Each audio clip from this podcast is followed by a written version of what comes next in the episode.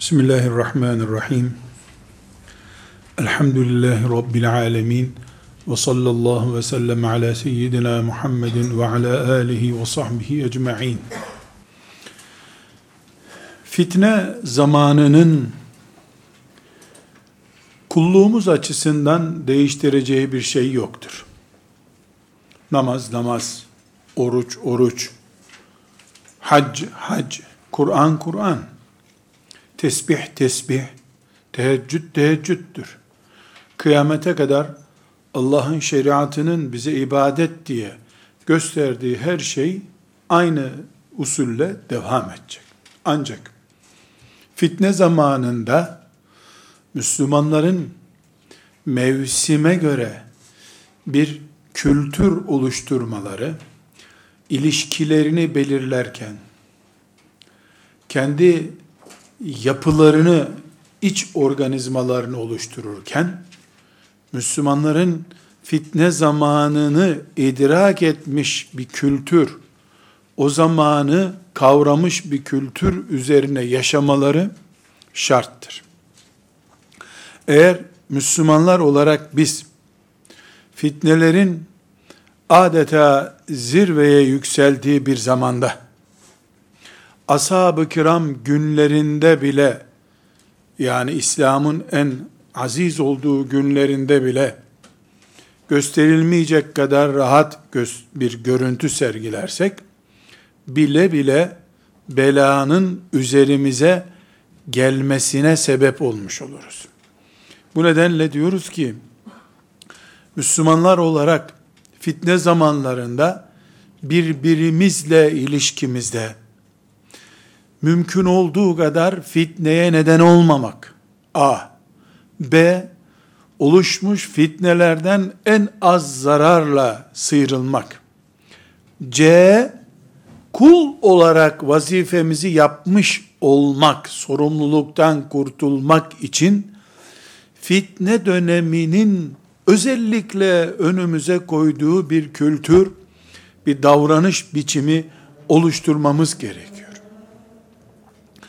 Esasen fitne zamanı veya normal zaman bir şey değişmiyor. Selam selamdır ibadet olarak. Veya bir yemek ikramında bulunmak ashab-ı kiram zamanında da bir Müslüman kültürüydü. Şimdiki fitne zamanında ve daha sonraki zamanlarda da bir Müslüman kültürüdür. Ama özellikle bir puan öne çıkarmamız gereken hassas noktalar var. Bunlardan birincisi Allahu Teala'nın insanları farklı karakterlerde yarattığını kabul etmemiz lazım. Filancalar çiftçi olurken, filanca işçi olurken, filanca askerlik mesleğine meylederken, filanca sportmen bir insan olarak yaşamak için gayret ederken, filanca filanca işle meşgul olurken, aslında biz Rabbimizin içimize koyduğu, her insanda da farklılaştırdığı karakterlerimizle buluşuyoruz. Karakteriyle buluşmadıkça da hiçbir insan aslında rahat değildir. Anneler, babalar çocuklarını yetiştirirken bu fitne zamanına karşı hazırlıklı bir Müslüman olarak yetiştirirken özellikle de eşler birbirleriyle bu fitne zamanında bir Müslüman aile oluşturmaya çalışırken ve Müslümanlar olarak filan vakıfta filan dernekte hatta filan camide cemaat için bir cemaat ortamı oluştururken iki insan, iki grup, iki ırk veya herhangi bir şekilde bir insan artı bir insan bir araya geldiğimizde farklı karakterlerimizi inkar etmeden bir arada olmalıyız. Sadece meselemiz etnik yapımız, ırk farklılığımızdan kaynaklanmıyor. Şu ırkla bu ırkın farklılığı zaten göze batan bir şey. Ama Bir de aynı anne babanın çocuklarında bile karakter farklılığı var. Aynı annenin babanın çocuklarının bile sanki biri bir dağdan öbürü bir dağdanmış gibi denecek kadar birbirine yaklaşamayacak kimlikleri vardır. İki Müslümanın başında idareci olan birisi bu noktaya dikkat etmesi gerekiyor. Müslümanların sorumluluğunu hoca olarak, siyasetçi olarak, şef olarak, yönetici olarak, cami imamı olarak üzerine alan, öğretmen olarak böyle bir sorumluluğu sahiplenen karşısındaki 20 öğrencinin 20 değişik bir dünya olacağını biliyor olması gerekiyor. İnsanlar bir plastik atölyesinde basma kalıp çıkarılan bardaklar gibi aynı değiller. Hepimizin defalarca okumuş olduğunu, duymuş olduğunu tahmin ettiğim bir hadisi şerifi bu gerçeği bize hatırlatıyor Resulullah sallallahu aleyhi ve sellem diye burada bir kere daha okumak istiyorum. Ebu Davud'un ve Tirmizi'nin rivayet ettiği hadis-i şerif Ebu Davud'da 4693. hadis-i şerif Tirmizi'de de 2955. hadisi şerif. Bakınız Resulullah sallallahu aleyhi ve sellem Efendimiz bu büyük gerçeği bize nasıl anlatıyor?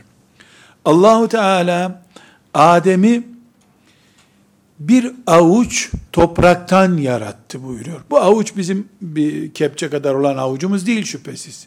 Bir tutam topraktan yarattı.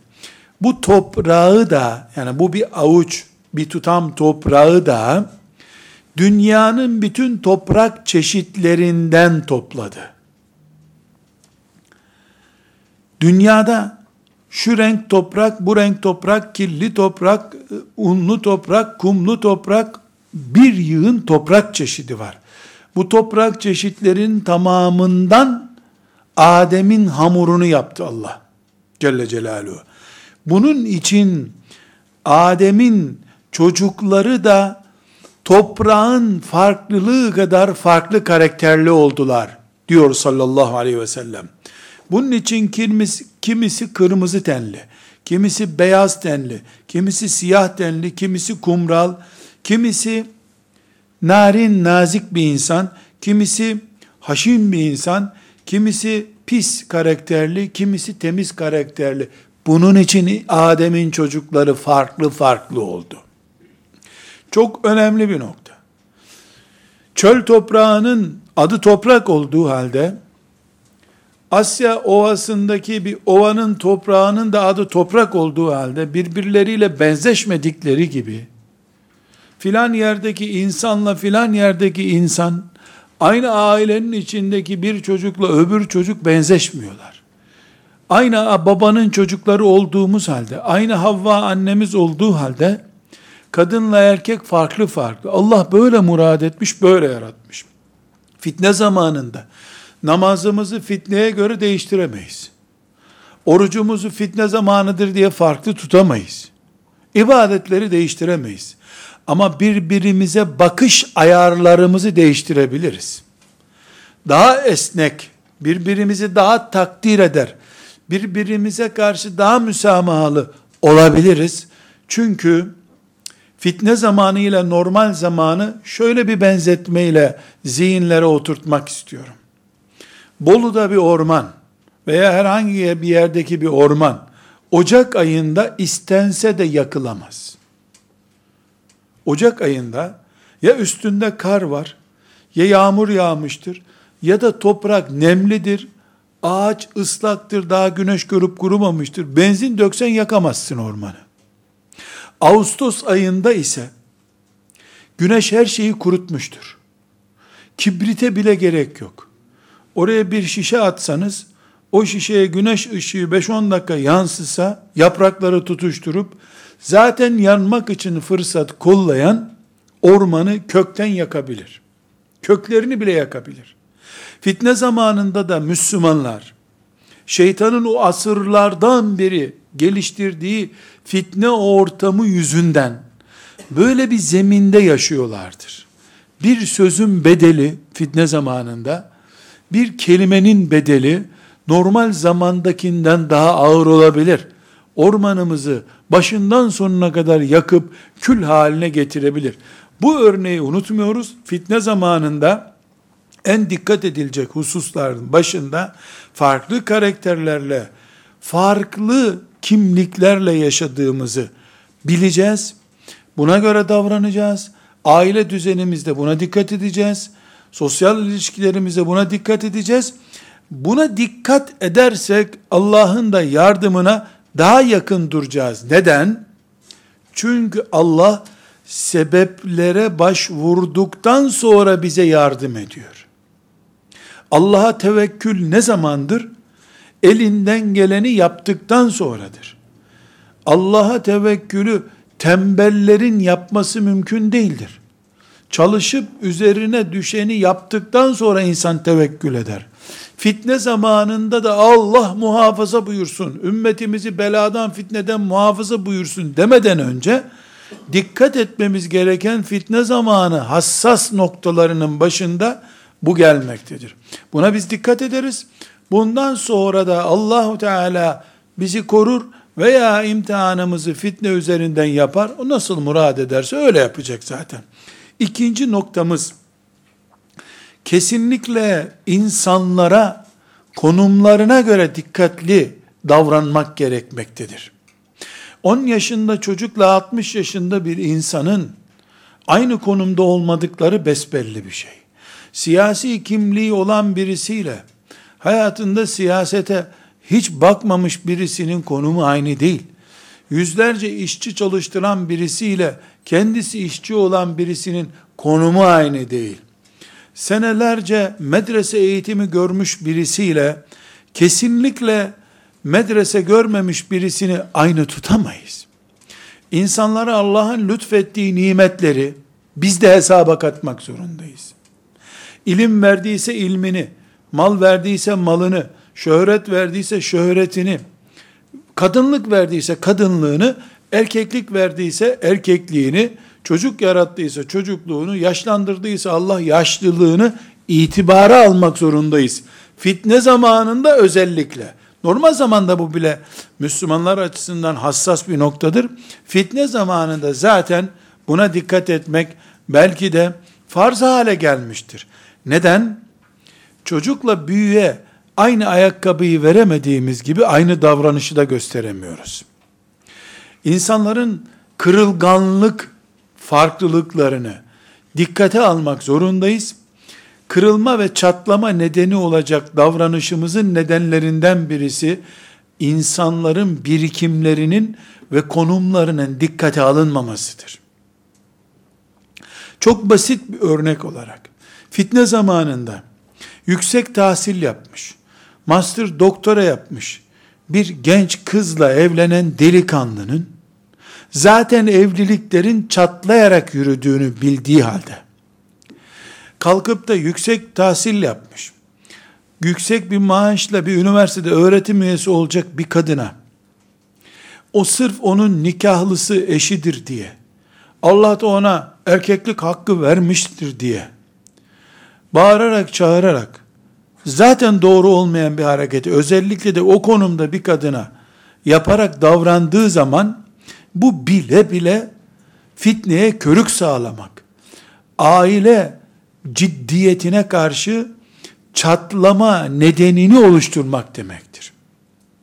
Eğer senin karakterin karşındakinin yüksek tahsil olmasına, yüksek tahsil sahibi olmasına, zengin bir babanın kızı olmasına dikkat edemeyecek bir karakterse dengini bul sende. Bunu aile kuruluşunda örnek olarak veriyorum.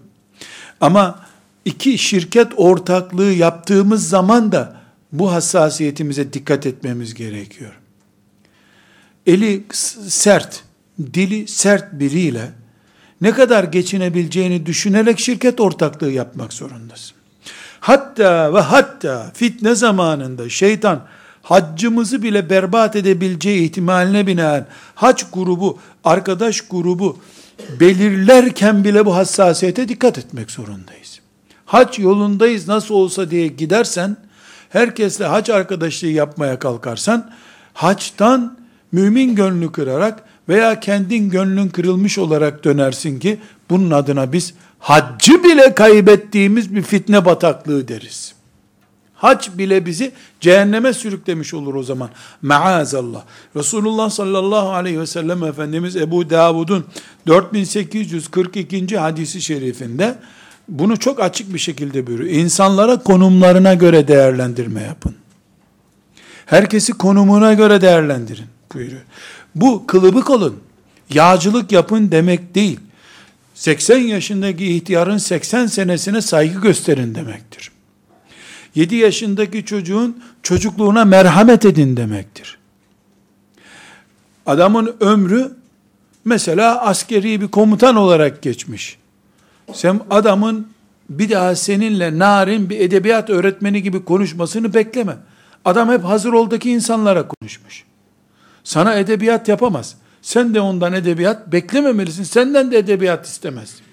Herkesi konumuna göre değerlendireceğiz.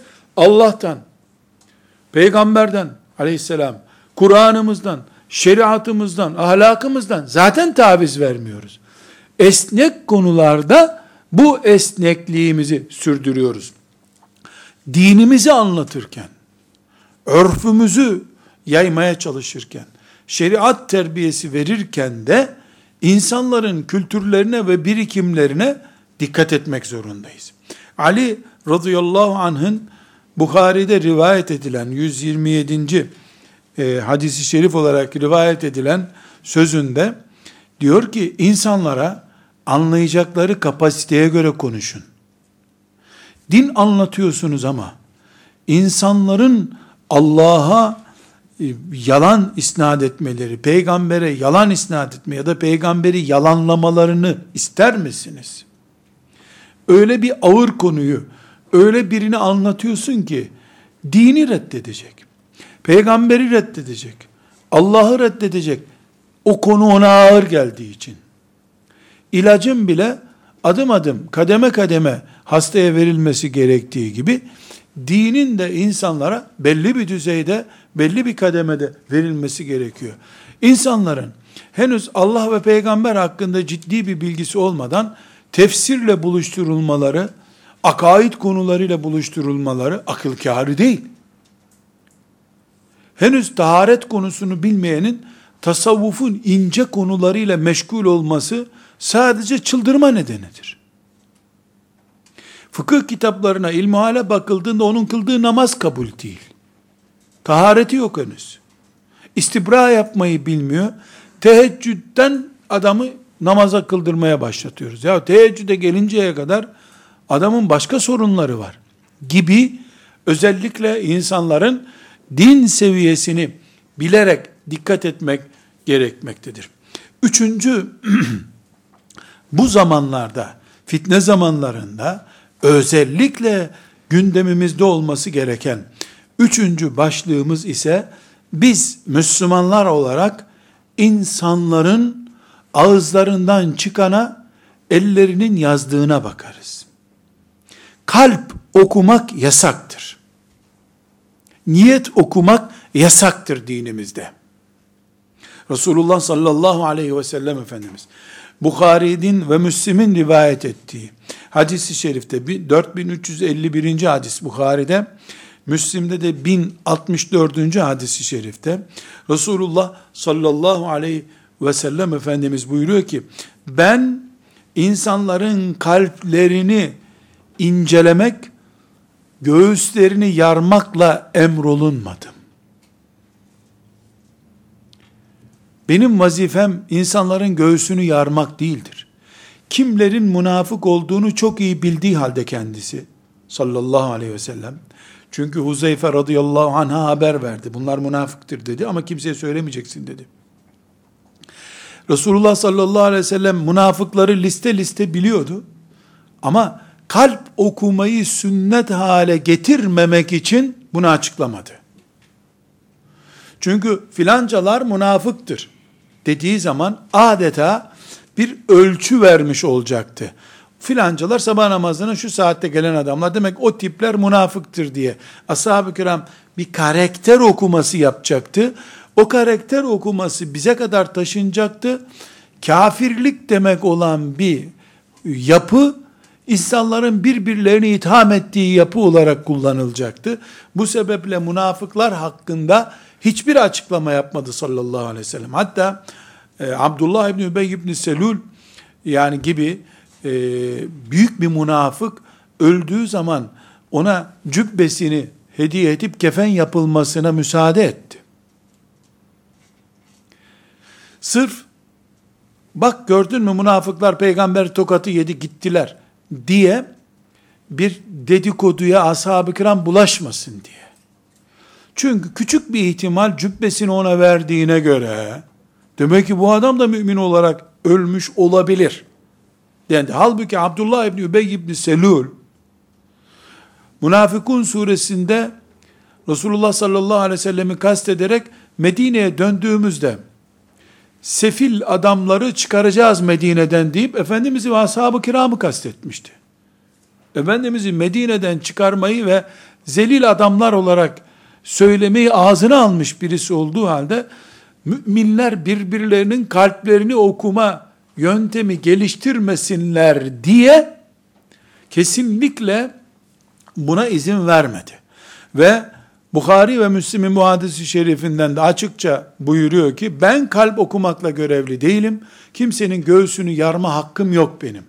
Zahir nahnu nahkumu biz zavahir. Biz dış görüntüye göre kural veririz. Bunu dış görüntü olarak yani elbiselerine göre demek değil. Ağzından söylediği söz önemli. Eliyle ikrar ettiği, yazdığı söz önemlidir. Bu da cımbızla aranarak değil, açık bir beyanla yapıldığı zamandır.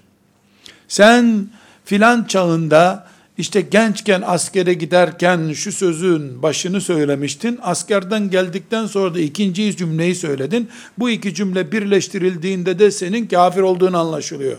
Bu, bu şekilde 40 dereden su getirerek çorba yapmak da yok. Açıkça baştan sona cümlesi neyi gerektiriyorsa onu söyleyebiliriz bir Müslüman hakkında. Özellikle fitne zamanında bu ayarı biraz daha hassaslaştırmak gerekiyor. Zanla insanların üzerinden hüküm verilmesi şeriatımızın kesinlikle müsaade etmediği bir uygulamadır.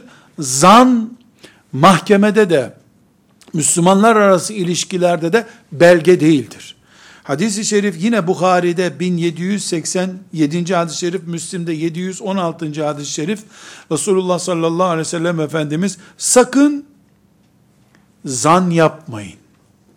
Çünkü zan yalan sözün en yalanıdır. En yalan şey zandır. Zan ne demek? Elimde bir belgem yok. Kesin bilmiyorum ama tahmin yürütüyorum yürüttüğüm tahmine göre bu böyledir diyorum. Çok basit bir misal. Adam işe normal 8'de gidiyor. Fakat bir haftadır altı buçukta evden çıkıyor. Misal, sanal bir şey. Sekize kadar bu adam ne ile meşgul? Takip ettik, bir sokağın ucunda kaybettik. Bir haftadır böyle gidiyor. Bu uluslararası bir örgütten talimat almaya gidiyor. Olabilir mi? Olabilir. Ama bu bir tahmin, bir zan. Adamın ikinci evliliği vardır.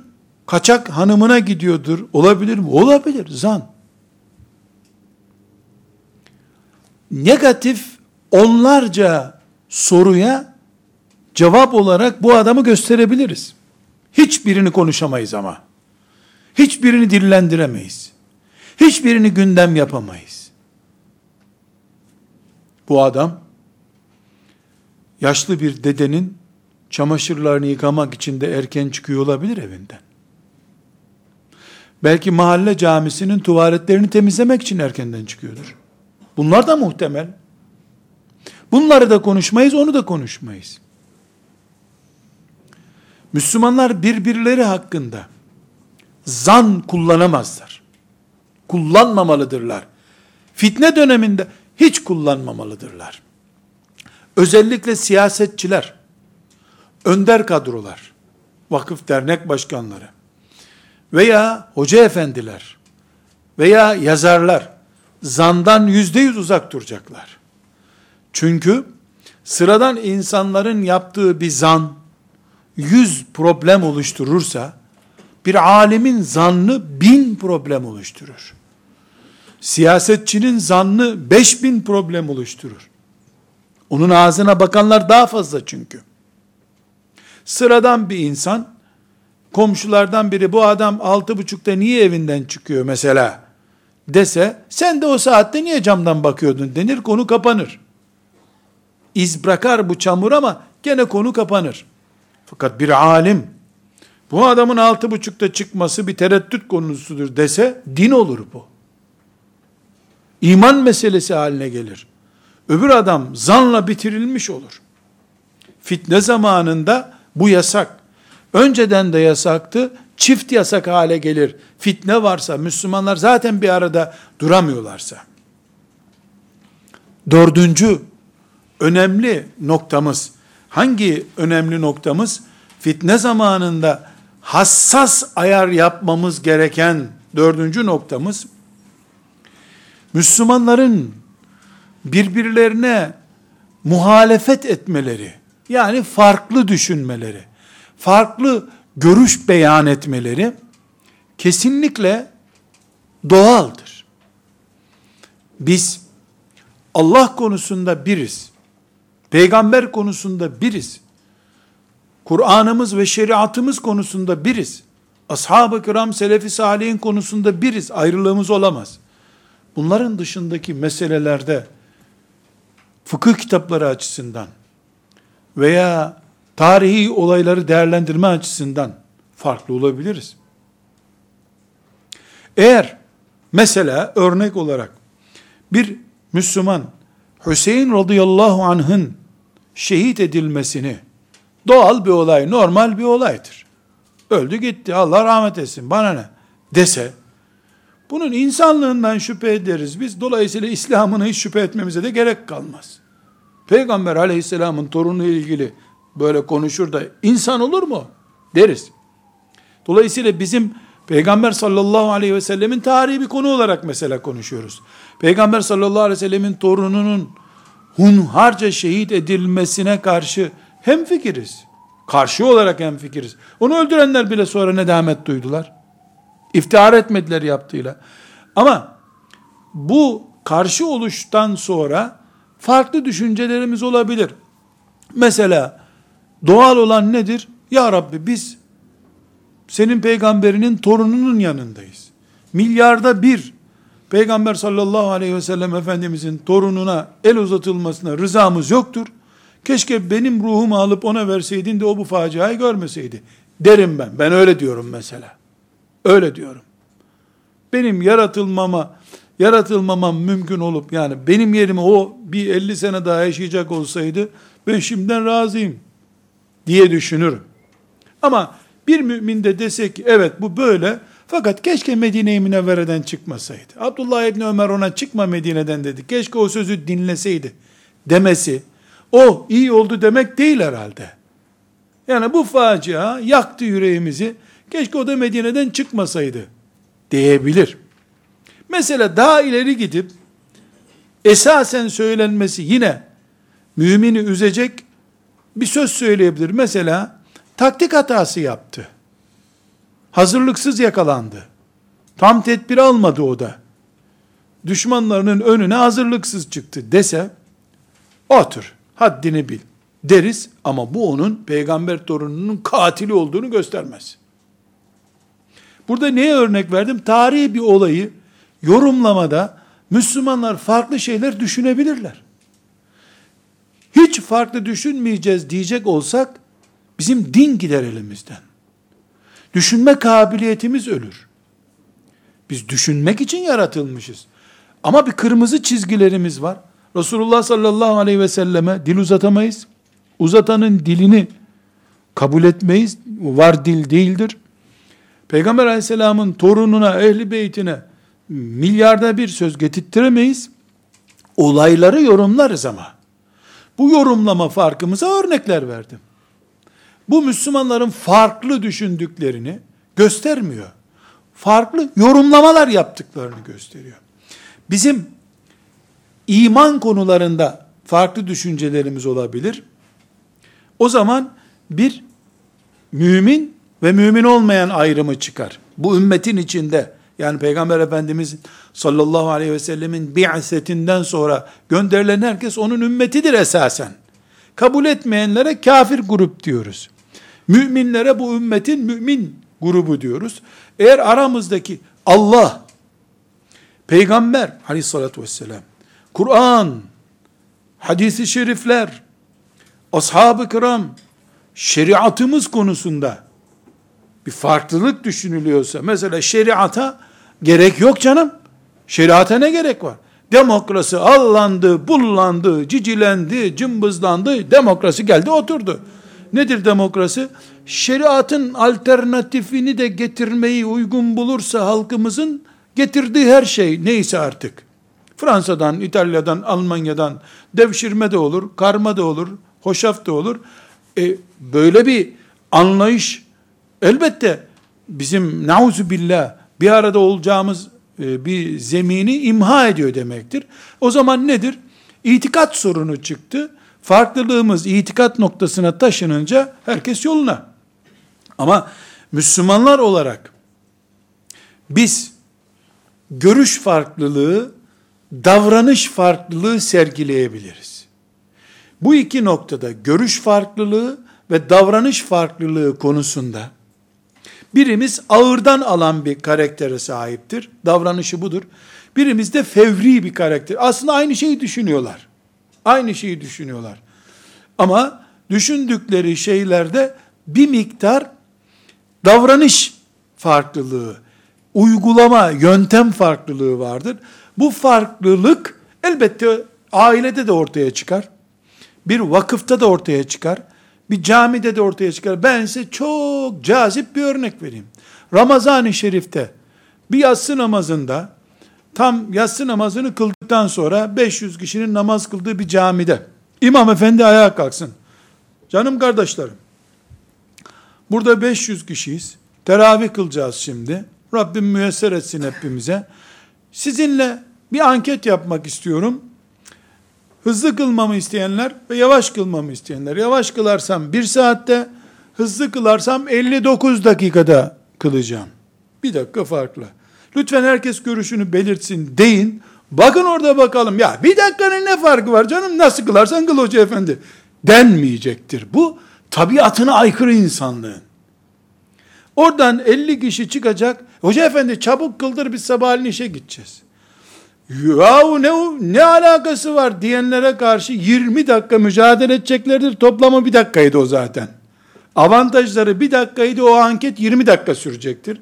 Sonunda bir kısmı bir daha bu camiye gelmiyoruz da bu uzun kıldırıyor.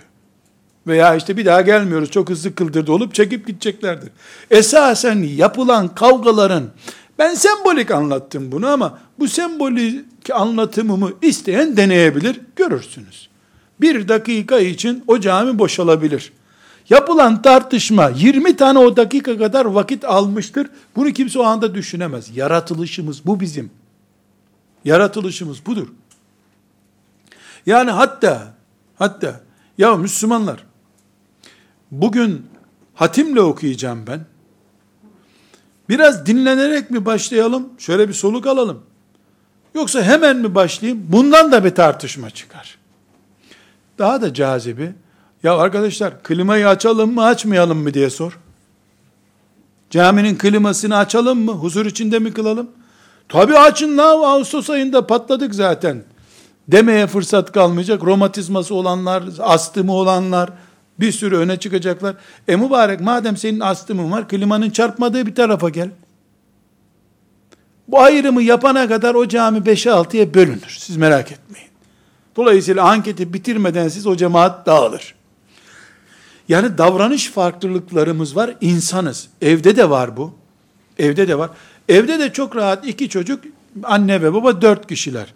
Mobilya dizme konusunda anket yapın. Evde yapalım. Bakalım neler çıkıyor. Dört farklı görüş çıkacaktır. Konuşmayın be deyip baba koyduğu yerde kalır o. veya baba gibi bir annenin koyduğu yerde kalır. İsteyen istemeyen de oturur o mobilyanın üstüne sonra. Bu tarzı Müslümanlar olarak ahiret için yaşadığına iman etmiş. Ahiret diye derdi bulunan bir mümin olarak biz eğer bu ayarı yapamazsak bu dünyanın çivisi çıktı demektir o zaman. Hem diyeceksin ki sinek kanadı kadar değeri yoksa Allah'ın gözünde bu dünyanın benim gözümde de yok diyeceksin.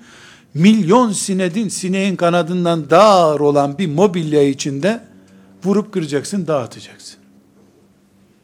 Biz eğer tenezzül etmediğimiz şu dünyanın mobilyasından, bir klimasından, hafif bir baş ağrısından vesairesinden dolayı şu dünyada biz birbirimizi idare edemezsek ümmeti Muhammed sallallahu aleyhi ve sellem rahmeten lil alemin bir peygamberin ümmeti olarak develere bile merhamet göstermiş. Bu deveye kim bu eziyeti yaptı? Deve ağlıyor bakın diye develerle konuşmuş bir peygamberin ümmeti olarak biz eğer birbirimize karşı hele de fitne zamanında bu hassasiyetleri gösteremezsek Yahudiye, Siyonizme, uluslararası bilmem ne odaklarına şikayet etme hakkımız yoktur. Kafirleri bile biz bizimle savaşan kafirler, bizimle savaşmayan kafirler diye ikiye ayırmak zorundayız. Kafirlerle bir muhalefetimiz, farklılığımız var. Elbette var. Ama savaşan kafirle sen sen başka ben başka uğrama bana diyen kafir farklı. Darul harp başka şey, darul küfür başka şey. Elbette Müslümanları imha etmek için birleşmiş yedi düvel başka bir olgu, kendi putuna tapınıp duran uzak Asya'daki bilmem ne milleti başka bir şey. Senin adını bilmiyor, İslam'dan haberi yok. Herkese onun karakterine göre ve benim dinimi, izzetimi koruyacağım bir mantığa göre davranma kabiliyetimiz olması gerekiyor. Biz abdest alıp namaz kılmakla emrolunmuş bir ümmetiz. Su bulamayınca teyemmüme yönlendirildik. Ayakta kılma emri, emri aldık. Ayakta kılamayınca oturmaya yönlendirildik. Oturamayınca yatmaya yönlendirildik. Başını oynatarak da olsa kıl, gözlerini kıpırdatarak da olsa kıl Allah'ın emri yerine gelsin diye alternatiflerin hiçbirini e, asla ihmal etmeyen mantık sahibi bir ümmetiz biz. Namazımızı bari gözlerini oynatarak kıl diyen bir din. Sadece senin görüşünle uzak duruyor, sana aykırı davranıyor. Davranış farklılıkları var, görüş farklılıkları var diye bir nesli, bir grubu imha etmeme izin verir mi Allahu Teala? Yani idrarla namaz olmuyor. Çamaşırında şöyle işte büyük bir demir para kadar idrar lekesi bulunanın namazı olmuyor.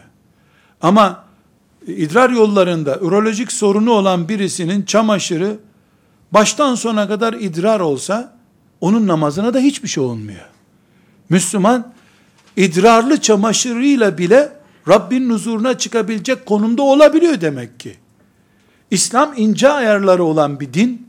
İslam hayatın her türlü alternatifine ve rengine karşı hazırlıklı bir din. Müslüman da bu hazırlık sahibi olması lazım. Müslümanlar olarak biz farklı davranış ve farklı düşünceleri iman ayrımından sonra imandaki farklılıkları zaten biz eksi noktaya taşıdığımız için eksiği konuşmuyoruz. Artı tarafımızı konuşuyoruz. Müslümanlar olarak bir fırkalarımızı fırkalaşmış olabiliriz. Şu mezhep, bu görüş, bu tarikat, bu ekol diye siyasi açıdan da şucular, bucular denen bir listemiz olabilir. Kesinlikle bunu kabullenmek zorundayız. Bu ümmetin fırkalarıyla kabul edilmesi gerekiyor. Fırkalarını, imanı çıkardık ama iman ha, imansızlıkta fırka yok. Bizim fırkalarımız. Bizim oğlanımız, bizim köyün delilerini konuşuyoruz. Bizim köyün delisi bu. Bizim evin delisi, bunu atacak bir yer yok dememiz gerekiyor.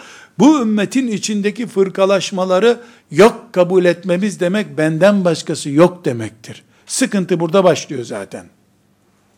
Ehli sünnet İslam demektir esasen. Ehli sünnetlik Resulullah'ın üzerinde şekillenmiş din demektir. Filanca ehli sünnet değildir sözü öyle bir dışlamadır ki Resulullah sallallahu aleyhi ve sellemin ilgi alanı dışına atmaktır o insanı veya o grubu. Bu ağır bedelli bir sözdür. Bunu kimse kimseye kullanmamalıdır. Bir, fırkalaşma doğaldır. Resulullah sallallahu aleyhi ve sellemin sağlığında bile ashab-ı kiram fırka fırkaydılar. Arkasında namazda tek parçaydılar, cihatta tek parçaydılar. Farklı düşünceleriyle Efendimizin önünde münakaşa ediyorlardı. Hucurat suresinin ilk ayetlerinin tefsirine bakalım. Tartışanlardan biri Ebu, Ebu Bekir, öbürü de Ömer'di radıyallahu anhuma. Efendimizin önünde siyasi bir konuda tartıştılar. Ayet indi. Ayet indi. İslam orman dini değildir. İslam hayat dinidir. Kalıp kalıp ağaçlardan oluşmuyoruz biz. Milyonlarca insandan oluşuyoruz. İnsansa farklılığın doğal olduğu bir ortam demektir. İçimizde günahkar bir nesil var. Herkesin battığı bir günah çeşidi var ama bir kısmı da alkolik vasfını almış gibi, faizci vasfını almış gibi günahkar bir kadroda var. Bunları da içimize sindirmek zorundayız. Aksi takdirde biz e, herhangi bir şekilde Müslümanlar olarak yalın, tertemiz bir din iddiasıyla yol alamayız. Mesela ulemanın herhangi bir şekilde yanılmışlığı da söz konusudur. Mesela çok basit bir örnek, sadece örnek basit, kişi basit manasında demiyorum. İbn Teymiye 7 asırdan beri bitmeyen bir kavganın adıdır. Sağlığında karıştırmış. Öldükten sonra onu sevenler karıştırmaya devam etmişler. Süper alim bir adamdır. İlminde hiçbir sıkıntı yoktur. İçtihad edecek düzeyde bir adamdır. Ama sorunlu konularla uğraştığı için, karşısına ta ashab-ı kiramın seviyesine kadar ulaşacak meseleleri ve kendi müştehit insanları diktiği için çok tenkit görmüştür. Biz İbni Teymiye'yi eşi benzeri bulunmaz. Bir e, tartışılmaz isim olarak gördüğümüz zaman hata ederiz.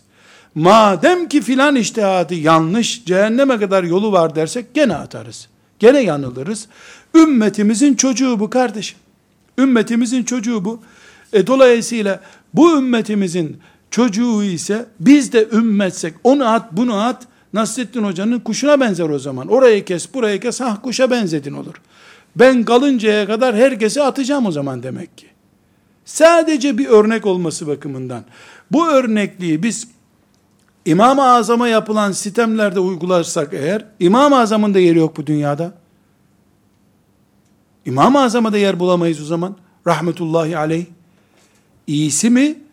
Alimlerimiz iman konusunda bizden oldukları sürece. Yani biz de onlardan olduğumuz sürece, bu ümmetin çizgisinde kaldığımız sürece, hatasıyla hatalısını ayırmadan kabul etmek zorunda. Hatasızını daha çok severiz, daha peşinden gideriz, öbürüsünü de kütüphaneye emanet ederiz. Kütüphanede dursun diye düşünürüz. Vazifemiz bizim cehennemi doldurmak değil. Bizim vazifemiz kendimiz cennete girmek için uğraşmaktır. Ana gayemiz. Aynı şekilde bu ümmetin içinde farklılıklardan söz ediyoruz ya, bu ümmetin içinde bir müştehit grubu var. Bu müştehit grubunun varlığını kabul etmek, yani Allah'ın ve peygamberinin tanıdığı bir hak olarak, bu ümmetin içerisinde müştehit insanların iştihad etmesini hak görmek demek, bir müştehidi tutup öbürünü silme hakkın olmaması demektir senin. Eğer iştihat haktır, Allah ve peygamberi bu hakkı verdi diyorsan, öbürüne de verdi. O zaman şöyle diyeceğiz. Allah sadece benim hocama bu hakkı verdi. Başka kimseye vermedi. Bu sözü Müslüman söyler mi ya? Bugüne kadar hiç kimse böyle bir söz söylemedi. Allah herkese bu hakkı verdi. Kimin bu hakkı suistimal etmeden, Rabbinin razı olacağı şekilde kullanıp kullanmadığına ise Allah karar verecek. Allah'ın vereceği kararı üstlenenler yanlış iş yapıyorlar. Ümmetin parçalanacağı iş yapıyorlar. Biz en başta müştehitler olmak üzere. Sonra zellesi bulunan yani kayma sorunu bulunan alimler olmak üzere. Sonra asi müminler, sonra fırkalar olmak üzere hüsnü zan taşıdığımız zaman yani onlar hakkında iyi niyet taşıdığımız zaman Allah'ın izniyle zarar etmeyiz. Neden? Kıyamet günü ben mümin hakkında hüsnü zan taşıyordum. İyi olduğunu umuyordum dememle ben onu listeden silmiştim demem arasında çok fark var. Müminin iyi niyetinden yanılması kabalığından dolayı yanılmasından daha iyidir. Biz Allahu Teala'nın infaz memurları değiliz. Allahu Teala'nın cennet cehennem arasında umut ve korku ile yaşayan kullarıyız biz. Kendisinin cennet teminatı olmayan bir insanın başkalarının cennetlik veya cehennemlik olmasıyla ilgili konuştuğu her söz batıldır, yanlıştır. Ne dedik? Resulullah sallallahu aleyhi ve sellem bile münafıkları önündeki bir hurma ağacını görür bildiği gibi bildiği halde aha liste demedi. Niye demedi? Bu bir çığır açmış, örneklendirme yapmış, tehlikesi var diye demedi. Sallallahu aleyhi ve sellem. Ümmetinden asırlar sonra birileri çıkıp, onun yapmadığı bir şeyi, bir de onun adına, onun sünnetini yaşatmak için, onun ekolünü devam ettirmek için yapmaya kalkması halinde, bu zaten şeytanın ta Adem aleyhisselamla sürtüşmeye başladığı cennet günlerinden beri planladığı, hesabını kitabını yaptığı, projelendirdiği, fitne ve fesada karşı bile bile körükleme yapmak olur. Biz kendi elimizle dinimizi ve dinimizin müstakbelini baltalamış oluruz. Allah muhafaza buyursun. Özellikle kalp okumak, cımbızla bir kelime çıkarıp, o cımbızla çıkardığın kelime üzerinden bir ömürlük İslam'ını, Müslümanlığını, hasenatını yok kabul etmek, esasen kendini yukarı çıkarmak içindir. Bu verdiğim ölçüyü şu şekilde değerlendirebiliriz. Sürekli birilerinin isim vererek, adres göstererek, hataları üzerine kamuoyu oluşturmak, anlayın artık ey insanlar, bakın onların onun hatası, o grubun hatası, ne kadar gördünüz değil mi? O kadar hatalı orada, hiçbir hatası olmayan yarı melek insan da burada önünüzde oturuyor işte. Anlayın artık da. Anlayın. Görmüyor musunuz Allah size nasıl bir kurtarıcı olarak beni gönderdi demektir. O arada cümleler içerisinde ben garibim, ben zavallıyım, günahkar kuluyum. Edebiyattın hiçbir anlamı yok. Ben zavallıyım, ben günahkarım dedikçe siz ters anlayın ha. Ben öyle dedim ama nezaketimden öyle dedim. Demek için söylüyor aslında bunu. Özetimiz şu kardeşlerim. Ümmetimiz budur. Fırkalarıyla, günahkarlarıyla, sıkıntılarıyla bu ümmettir. Bu ümmeti alıp marangoza götürüp yeniden e, düzenleyemeyiz. Bu plastik poşet değil ki eskilerini toplayıp eritip yeni bir poşet yapalım. Böyle yarattı Allah. Adem aleyhisselamdan beri böyle geliyor. Biz namaza kalkmak için, sabah namazı için zorlandığımız gibi ama sonunda kalktığımız gibi Allah'ın izniyle aynı şekilde ümmetimizin bu yapısıyla Allah'ın rızasını kazanıp bu bölünmüşlüğe, bu parçalanmışlığa rağmen hassas tedbirler alarak da olsa ne ibadetlerimizi aksatacağız, ne birbirimizi üzeceğiz, ne de cihadımızdan geri kalacağız, devam edeceğiz. Şuuruyla hareket etmek zorundayız. Eğer bunu beceremezsek, maazallah, sabah namazına kalkmadığımızdaki duyduğumuz acıyı, yüz kat birbirimize uğraştığımız zaman duyalım. Çünkü sabah namazının kazası var. Yüz senelik sabah namazının kazası Allah'ın izniyle vardır. Bir gün ümmetin gruplarından bir grubun, şahıslarından bir şahısın ümmetten kopmasının kıyamete kadar telafisi yok bir daha. Bir daha yok. İki müminin sürtüşmesi daha sonra bitse, kucaklaşsalar, birbirlerine haklarını helal etseler kameralar önünde, şeytan bir kere sevindikten sonra, onlar birbirlerini kurtarıyorlar ama şeytanın yatırımındaki kabarmışlığı önleyemiyorlar.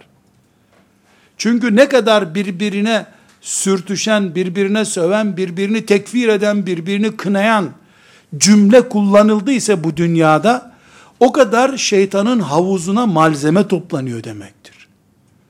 Bu malzemeleri onlar barışsalar da şeytan kullanıyor sonra. Ebu Hanife rahmetullahi aleyhin sağlığında ona yapılan sitemler, onun ölümünden 30-40 sene sonraki dönemde yapılan ağır hakaretler, sonra Ebu Hanife'nin Allah'ın mucizelerinden bir mucize olduğu anlaşıldıktan sonra, o sözleri söyleyenler İmam Malikler başta olmak üzere rahmetullahi aleyhim cemiyan, bu dünyadan çekip gittiler. Umuyorum ve hemen hemen kat'i inanıyorum ki şimdi de cennetlerde keyif sürüyorlardır. Birbirlerini ziyaret ediyorlardır muhakkak. Birbirlerine ikramlarda bulunuyorlar. Cennetlerde buluştular. Ama fıkıh düşmanlığı yapılacağı zaman İmam Malik'ten Medine'den Bağdat'a söylenmiş sözler hala kullanılıyor. Aslında fıkıh budur deniyor. Neden? Çünkü o sözü söyleyenler sonra baklar ki Allah'ın mucizesiyle biz uğraşmışız. Bizim aklımız yetmemişti Ebu Hanife'yi anlamamışız biz dediler. Sözlerini geri aldılar. Talebeleri hocalarına bu sözler yerinde değil dediler. Düzelttiler durumu ama şeytan onları kullanıyor şimdi. Çünkü bir defa anahtarı şeytana verdin mi sen, daha sonra ben çıktım bu odayı kullanmıyorum diyemiyorsun. Anahtar onda istediği gibi kullanıyor. Ve sallallahu ve sellem ala seyyidina Muhammed ve ala alihi ve sahbihi ecma'in velhamdülillahi rabbil alemin.